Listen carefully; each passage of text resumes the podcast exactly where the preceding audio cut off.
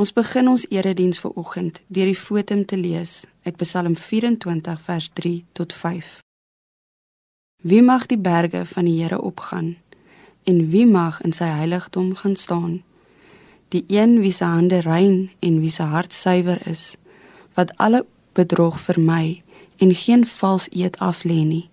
So iemand sal van die Here seën ontvang en God sy redder sal reg aan hom laat geskied. Lidmaat, ek groet u vanoggend met die genade en die vrede van God ons Vader en die Here Jesus Christus. Alles deur die werking van die Heilige Gees. Amen. Ons gaan dan nou saam luister na die volgende lied ter voorbereiding vir God se boodskap en opdrag.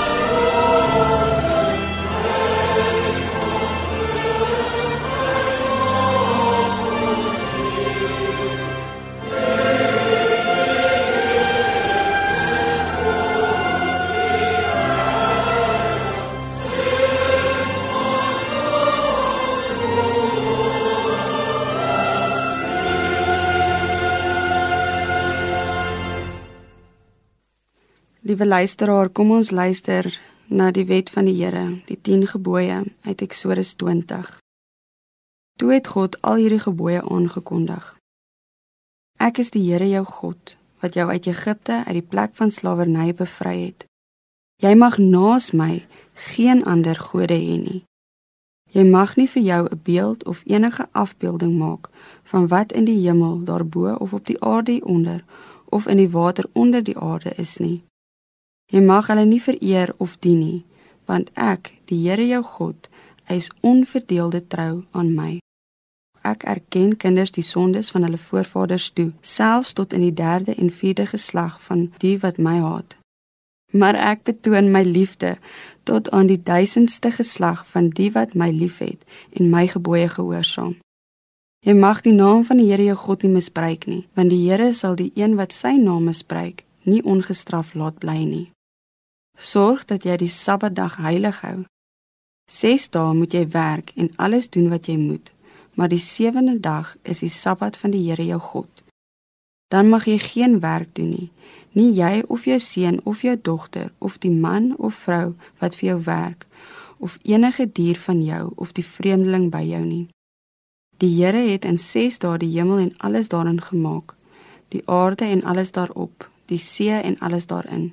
Op die sewende dag het hy gerus en daarom het die Here dit as 'n gereelde rusdag geheilig. Eer jou vader en jou moeder, dan sal jy lank bly woon in die land wat die Here jou God vir jou gee. Jy mag nie moord pleeg nie. Jy mag nie egbreek pleeg nie. Jy mag nie steel nie. Jy mag nie vals getuienis teenoor ander gee nie. Jy mag nie iemand anders se huis begeer nie. Jy mag nie sy vrou begeer nie. Ook nie 'n slaaf of slavin, 'n bees of 'n donkie of enigiets anders wat aan hom behoort nie. Kom ons doen saam die geloofbelijdenis net daar waar u sit. Ek glo in God die Vader, die Almagtige, die Skepper van die hemel en die aarde en in Jesus Christus, sy enige gebore seun, ons Here, wat ontvang is van die Heilige Gees, gebore is uit die maagd Maria, wat gelei het onder Pontius Pilatus, gekruisig is, gesterf het en begrawe is en ter hulle neergedaal het, wat op die 3de dag weer opgestaan het uit die dood, wat opgevaar het na die hemel en sit aan die regterhand van God, die almagtige Vader van waar hy sal kom om te oordeel die wat nog lewe en die wat reeds gesterf het. Ek glo in die Heilige Gees. Ek glo aan 'n heilige algemene Christelike kerk, die gemeenskap van die heiliges, die vergifnis van sondes, die opstanding van die vlees en in die ewige lewe. Amen. Thank you.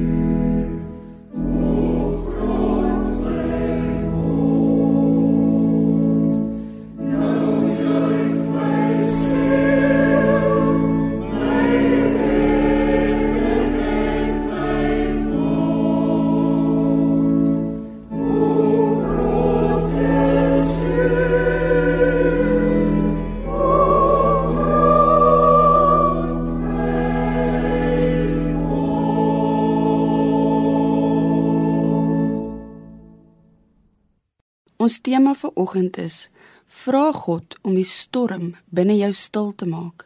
En ons skriflesing kom uit Markus 4 vers 35 tot 41.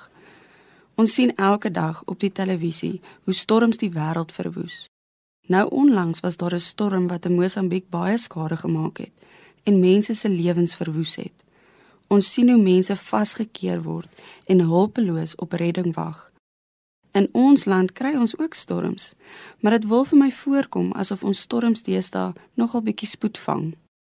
Die term storm verwys na 'n weerverskynsel in die atmosfeer van 'n planeet wat swaar weer met sterk winde behels. Op die aarde word ons storms gekenmerk deur stormwind, donderweer, swaar reën en winde wat materie kan optel. Soos byvoorbeeld sneeustorms, haalstorms, sandstorms of tornado's. Storms ontstaan as gevolg van groot drukverskil in die atmosfeer wat oor 'n relatiewe klein afstand optree. 'n Sikloon kan vergelyk word met die krag van 10000 kernbomme en hy's gewoonlik 300 km breed. 'n Sikloon kan vir dae duur, maar dan kom daar 'n rustige tyd wat die oog van die sikloon genoem word. Soos die oog oorbeweeg, ervaar die mens rustigheid. Maar dan kom die winde en die storms weer. Een van die ergste storms wat die mens nog getref het, was die sikloon Haiyan in die Filippyne en het ongeveer 10000 mense se lewens geneem. Ons tegnologie is op so 'n mate gevorder dat ons kan voorspel wanneer en waar 'n storm gaan tref. Ons kan voorberei, maar ons kan nie bepaal hoe groot die skade gaan wees nie. As dit kom by storms, kan ons dit glad nie beheer nie en daar is nog heelwat wat vir ons onbekend is oor die storms wat ons tref. Hierdie fisiese storms het 'n impak op baie se lewens, want daar is heelwat dinge wat verlore kan gaan tydens so 'n storm. Huisskade, selfs mense wat hulle lewens verloor. Alhoewel 'n storm baie skade kan aanrig, is daar 'n paar goeie eienskappe van 'n storm. 'n Storm bring baie water wat sommige lande baie nodig het. 'n Storm was alles skoon, en 'n storm help die ekosisteem om weer gebalanseerd te word. Hy buig bome en verwyder dit wat die aarde dalk nie meer nodig het nie. Alles wat nodig is vir die mense bestaan. Wat ons kan van seker wees van is dat storms kom, fisies en emosioneel in ons lewens in. En ja, dit kan dinge fisies verwoes, maar dit hoef ons nie emosioneel te verwoes nie. Emosionele storms is die storms waarop ek ver oggend wil fokus die storms wat ons verhoudings met God en ander kan beïnvloed. God het geweet dat daar storms in ons lewe gaan kom, maar hy het vir ons hulp gestuur om hierdie storms te weerstaan. 'n Paar voorbeelde van emosionele storms. Dit kan teleurstelling in ons verhoudings of by ons werk of in ons beroep behels. Irritasie en frustrasie kan ook dien as tekens van emosionele storms wat besig is om sy verskyning te maak. 'n Groot hartseer of erge skok wat kan lei na depressie, is ook 'n voorbeeld van 'n emosionele storm. Die tekens van 'n storm is sterk winde, donker wolke en baie reën. Die tekens van 'n emosionele storm wat besig is om op te bou, gaan gepaard met emosies, gevoelens, die dinge wat ons mens maak. Luisteraar, ek is seker elkeen van ons het al hierdie gevoel van angstigheid ervaar. Daai gevoel wat jou keel toetrek en dit voel asof iets op jou bors druk en jy weet hier kom 'n storm. Jy weet nie wanneer nie, jy weet nie hoe lank nie en jy is seker dit gaan vir jou skade bring. Jy voel hulpeloos. Die gevoel hulpeloos is iets wat hierdie wêreld vir ons gee. Dit is 'n gevoel van beheer verloor. Omdat ons so naïef genoeg is om te dink ons kan dinge beheer. Maar elkeen van ons ken daai gevoel en ons weet ook dat dit ons geloofslewe kan ruk. Dit kan ons verhouding met God ruk. Ons geloofslewe gaan gepaard met hoe ons God ervaar in ons lewe, waar ons sien wat hy vir ons doen en waar ons hom ook voel as hy naby is. Ons verhouding met God en die menslike emosies gaan hand aan hand. Ons kan nie 'n verhouding apart hou van God en ons emosies apart hou van hom nie. Hy ken ons. Hy weet waartoe ons gaan. As gevolg van hierdie emosies wat die lewe vir ons kan gee, spreek God ons gevoel van hulpeloos direk aan in Markus 4 vers 35 tot 41. Hierdie verhaal is die eerste natuurwonder wat Jesus doen. Jesus spreek baie dinge aan, maar dan vat hy dit so stappie verder en hy doen 'n natuurwonder. Niemand op hierdie aarde kan die natuur beheer nie. of jy gelowig is of nie, dit is 'n feit. Voordat ons dan nou uit Markus 4 vers 35 tot 41 gaan lees, wil ek vra dat ons net ons oë sluit vir 'n gebed. Vader, seën hierdie voorlesing. Gee ons insig en wys aan ons u opdrag. Laat ons na hierdie voorlesing ook besef dat u sal die storms binne in ons stil maak. Amen. In Markus 4 vers 35 tot 41 staan: Laat daardie middag sê Jesus vir sy disippels: Kom ons vaar oorkant toe. Hulle het toe die mense wat daar was, daar laat bly en hom saamgeneem in die skei waarin hy gesit het. Daar was ook nog ander skei te by. Skielik het daar 'n groot storm losgebars en die golwe het in die skei geslaan sodat die skei al begin vol word. Jesus het op die bank in die agtersteewe gelê en slaap. Hulle maak hom toe wakker en sê vir hom: "Meneer, gee u dan nie om dat ons vergaan nie." Toe staan hy op, bestraf die wind en sê vir die see: "Hou op, bedaar." Die wind het gaan lê en daar het 'n groot stilte gekom. Toe sê hy vir hulle: "Waarom is julle bang? Het julle dan nie geloof nie?" Hulle is met groot ontzag vervul en het vir mekaar gesê: Wie kan hy tog wees dat selfs die wind en die see na hom luister?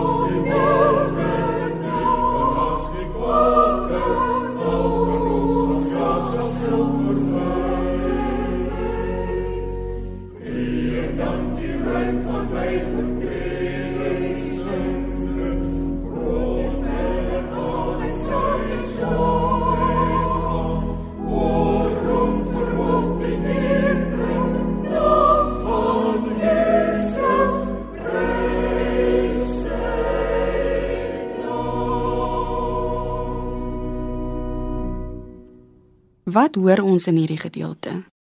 Markus wil so 'n bietjie fokus op Jesus. Hy fokus eerstens op hierdie gesagsvolle manier wat Jesus praat. En dan so 'n bietjie later sien ons ook dat die reaksie van die disippels het tog maar 'n emosie in Jesus wakker gemaak. Net in Markus word daar gesê dat daar ander skuite was en hulle het heel moontlik ook hierdie wonder beleef wat dan ook vir ons kan dien as meer getuienis en hierdie verhaal kon meer en meer oorvertel word. Die woorde skielik het daar 'n storm by die see van Galilea losgebars. Gee vir ons weer deur dat hierdie storms nie voorspel kan word nie. Die see van Galilea is 9 km breed en omtrent so 18 km lank. Daar is hoë berge aan weerskante wat kan lei tot erge winde. As ons hierdie bymekaar sit, is dit 'n perfekte omstandighede vir 'n lekker groot storm. Wat doen Jesus? Hy het gelê en slaap. Wat ons moet besef is dat Jesus was mens gewees en hy het moeg geword en daarom het hy nodig gehad om so bietjie te rus. Jesus het ook afsondering gesoek. Daarom het hy vir hulle gesê, "Kom ons seil na die oorkant." Jesus was moeg en hy het sy menslikheid erken. Die disippels se vraag na omgee moes vir Jesus pynlik gewees het.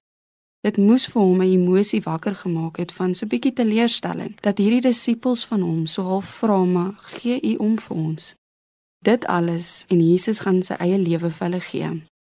Wat besef die disippels hier?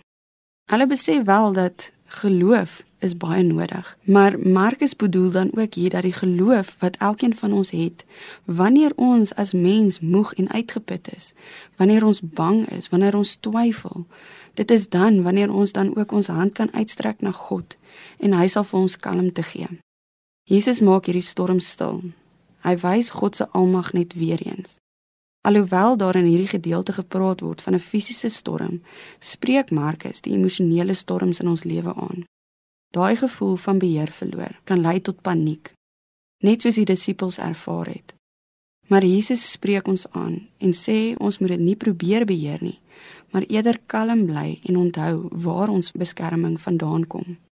Hierdie woorde om te onthou waar ons beskerming vandaan kom, het alles te doen met ons verhouding met God en ons wat na ons verlede kan kyk en kan sien hoe God die storms voorheen stil gemaak het.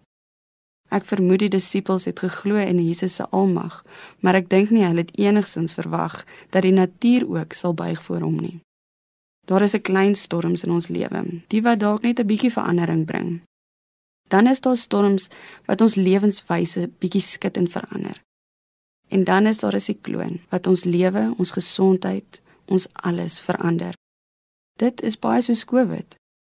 In elke vorm van storm kan ek vir u sê is God daar en wil hy daar wees. Luisteraar, ek wil u moed inpraat. Ek wil selfs soms myself moet inpraat.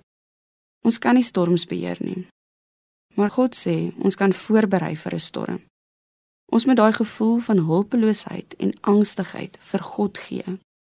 Ons kan ons geloof versterk deur ons verhouding met God te versterk. Deur te weet dat hy vir ons teks stuur om ons gereed te maak. Deur saam met gelowiges bymekaar te kom, mekaar moed in te praat, om te getuig oor die storms wat die Here al reeds stil gemaak het, kan juis iemand anders se storm stil maak. As ons voorberei vir 'n natuurstorm, dan bring ons alles onder dak. Ons maak seker dit kan nie iewers inreën nie en ons maak seker ons geliefdes is by ons. Maar wanneer ons voorberei vir die storms van die lewe, die emosionele storms, moet ons vertrou in ons verhouding met God en die feit dat niks op ons pad sal kom wat ons nie kan hanteer nie, want hy is saam met ons. Dan moet ons ook seker wees dat die mense vir wie God op ons pad stuur en hy stuur vir ons mense, hy stuur vir ons ander gelowiges. Hy stuur hulle omdat hy weet ons is bang, ons is onseker en ons twyfel baie soos die disippels gemaak het. Die storm kom en hy gaan heel moontlik skade maak. Maar kom ons wees soos 'n palmboom. Terwyl die winde waai en dit reën, sal baie bome afbreek en omval, maar een boom sal bly staan, die palmboom. 'n Palmboom kan buig totdat sy kop die grond raak sonder om te breek. Studies toon dat wanneer die palmboom so gebuig en gestoot word, sy wortelstelsel eintlik versterk word So hierdie stres skep nuwe geleentheid. In Psalm 92 vers 13 tot 14 staan die volgende: Die regverdiges sal sterk wees soos palmbome, soos hoë seders op die Libanon. Hulle vind hulle krag in die huis van die Here en groei op in die tempel van ons God. God gebruik die palmboom in hierdie vers want God het geweet dat daar sal moeilike tye kom wat ons sal moet buig sonder om te breek. Deur dit kom 'n nuwe groei. Die disippels het ons gewys hoe ons nie moet wees nie. Alhoewel wanneer die storm in ons lewe woed, ons almal maar so optree. Ons moet ons geloof behou. Maar ons moet kalm bly. Ons moet sien hoe God in die verlede die storm stil gemaak het. Ons moet onthou hoe hy hierdie storm stil gemaak het en ons moet weet dat die storms wat kom gaan verskil bring. Maar hierdie storms gaan nie ons verhouding met God breek nie. Amen. Kom ons bid saam. Vader, U ken die storms in ons lewens. U ken ook die angsgevoel wat ons soms ervaar. Maar Vader, laat ons voorberei vir die storms en leer ons om te buig in die wind. Gee ons die rustigheid om te weet U is in beheer. En Vader, laat ons raak sien waar ons ook gegroei het soos 'n palmboom. Amen.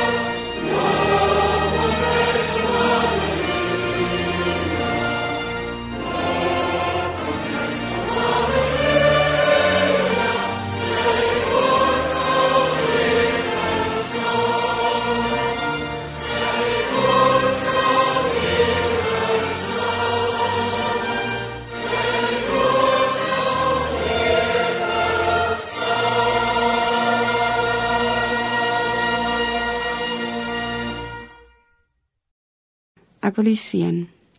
Mag jy elke dag God se genade ervaar. Mag jy versterk word deur God se krag. Mag sy wysheid jou elke dag lei. Mag hy jou styf vashou en bewaar. Die Here is by jou. Die Here is voor jou. Die Here is langs jou. Die Here is bo jou en die Here is in jou. Bou jou lewe op hom, ons anker en ons vaste rots. Amen.